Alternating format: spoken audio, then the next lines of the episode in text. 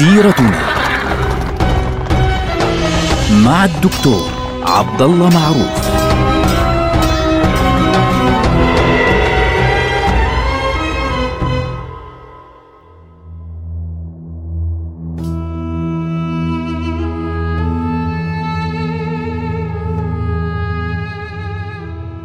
السلام عليكم ورحمة الله وبركاته. سيرتنا سيرة هذه الأمة التي بدأناها مع سيرة النبي صلى الله عليه وسلم.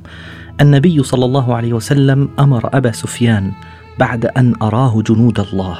هذه الجند العظيمة عشرة آلاف جندي من جنود الرحمن يريدون أن يدخلوا مكة. أمره النبي صلى الله عليه وسلم أن يذهب مباشرة ويحذر مكة بأنه يجب أن يستسلموا بعد يعني خلص حرب نفسية كاملة عليهم. كي يستسلموا؟ فعلا دخل أبو سفيان إلى مكة منذرا لهم. قد جاءكم محمد بما لا طاقة لنا به وما لا قبل لنا به. فمن دخل دار أبي سفيان فهو آمن. من دخل دار أبي سفيان فهو آمن. فهند بنت عتبة زوجته بنت عتبة بن ربيعة. تقول له ويحك إيش بدك ايانا نقاتل ويجب أن نقاتل. فقال لا تغرنكم هذه من أنفسكم لا طاقة لنا اليوم بمحمد. فمن دخل دار أبي سفيان فهو آمن. فقالوا له عند ذلك انهارت عزائمهم. فقالوا له ويحك وما تغني عنا دارك. فقال ومن أغلق بابه فهو آمن ومن دخل المسجد فهو آمن. فتفرقوا في أماكنهم وفي بيوتهم.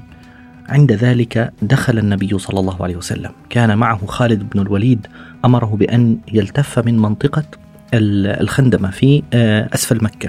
وأمر النبي صلى الله عليه وسلم الزبير بن العوام أن ينزل حتى من أعلى مكة حتى ينزل عند منطقة الحجون وينتظر النبي صلى الله عليه وسلم هناك.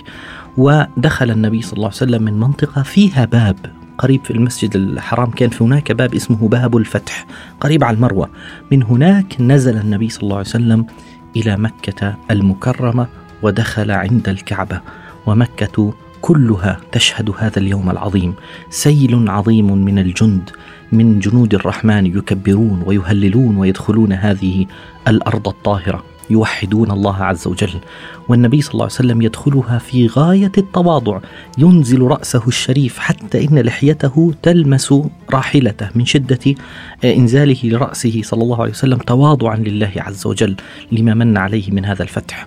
دخل النبي صلى الله عليه وسلم عند الكعبة وهو على راحلته وبدأ يطوف سبعة أشواط وهو فوق الجمل.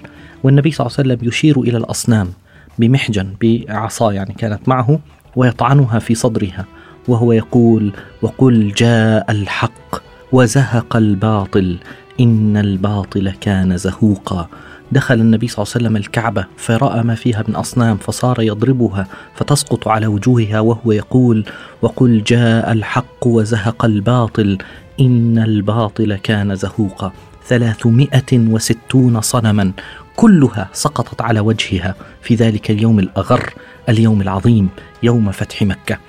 وعند ذلك دخل النبي صلى الله عليه وسلم الكعبة أمر بتنظيفها وغسلها بنفسه صلى الله عليه وسلم بيديه الشريفتين وأمر بمحو ما فيها من صور وأشكال و وأصنام وحجارة وغير ذلك أمر بتنظيفها بالكامل ثم أغلق على نفسه باب الكعبة ومعه في الداخل بلال بن رباح وأسامة بن زيد. رضي الله عنهما.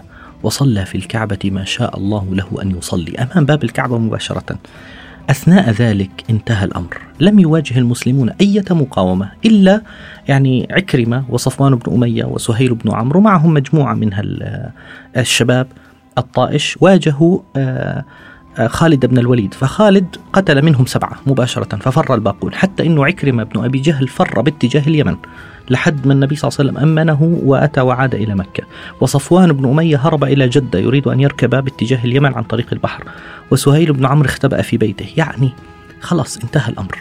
أثناء صلاة النبي صلى الله عليه وسلم اجتمعت قريش كلها عند الكعبة. تنتظر القصاص.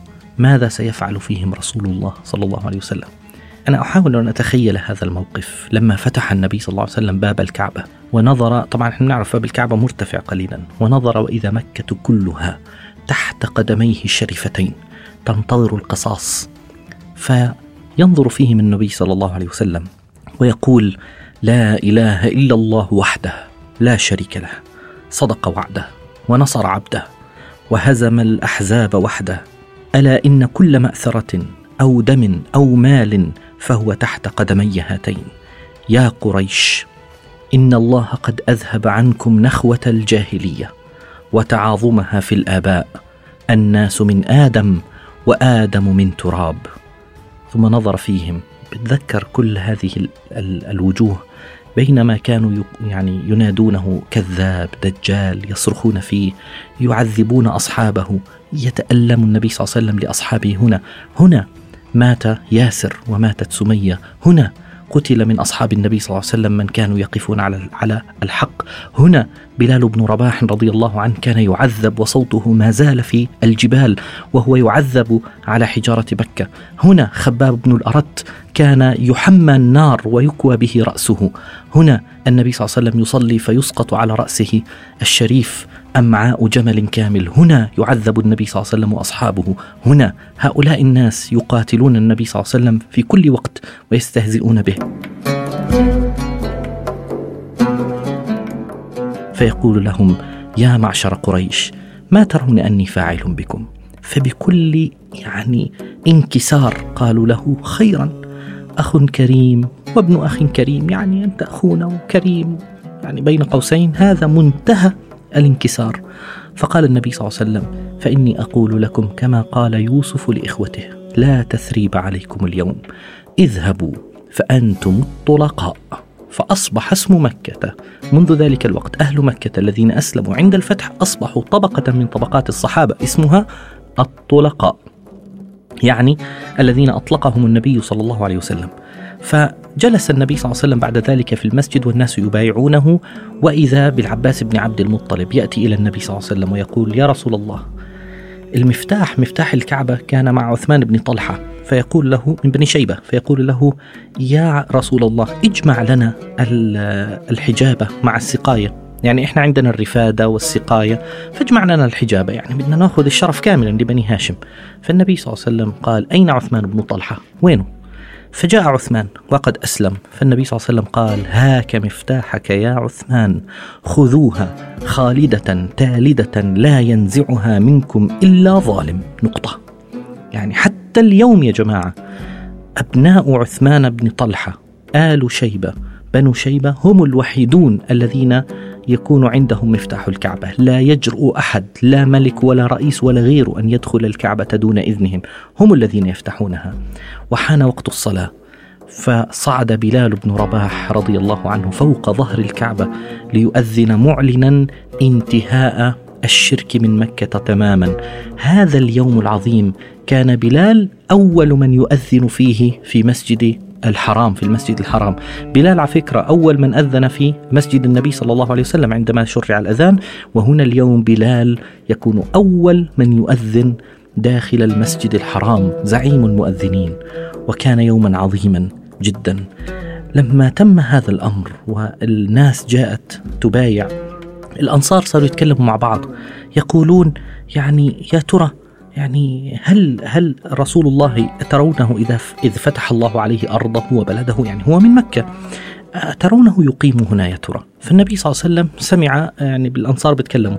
فماذا تقولون؟ قالوا يا رسول الله يعني نقول كذا وكذا. فالنبي صلى الله عليه وسلم قال معاذ الله المحيا محياكم والممات مماتكم. انتهى الأمر.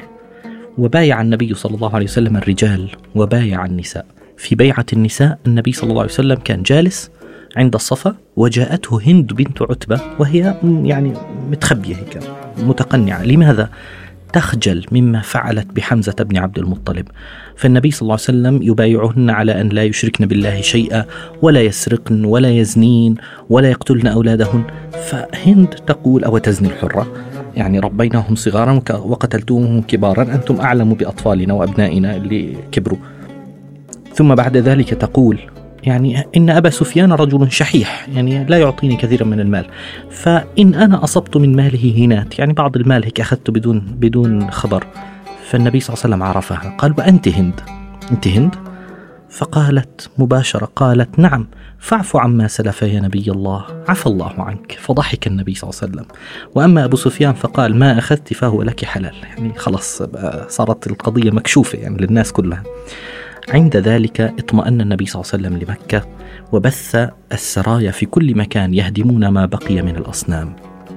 لم يبقى فعليا إلا قبيلة واحدة قريبة من مكة ما زال الإيمان لم يتمكن عندهم ابدا وإنما كانوا يعتبرون أنفسهم أفضل من قريش وكانوا يرون أن قريشا لا تستحق حتى أن تكون في البيت الحرام اللي هي إيش؟ قبيلة هوازن وثقيف تحديدا في الطائف.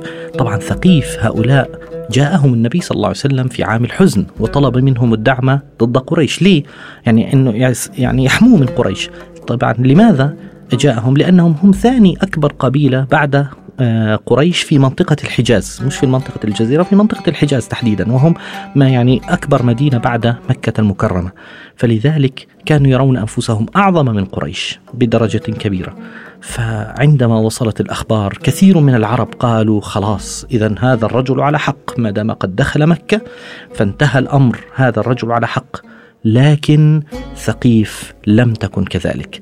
ثقيف نظرت إلى الأمر بطريقة مختلفة. قالوا آه هذا رجل من قريش وهؤلاء من قريش وقد يعني أراحنا محمد من قريش كلها ريحنا منهم وبالتالي أكيد الطرفين أضعفوا بعضهم والآن جاء دورنا نحن. يجب أن نسير بأنفسنا إلى مكة فنخرج منها قريشا ونأخذ نحن سدانة البيت. يعني لاحظوا الاعتداد بالنفس وين ممكن يوصل الإنسان. ووصل الخبر إلى النبي صلى الله عليه وسلم أن قبيلة هوازن وثقيف تستعد فعليا للهجوم على النبي صلى الله عليه وسلم في مكة المكرمة. نلقاكم على خير والسلام عليكم ورحمة الله وبركاته.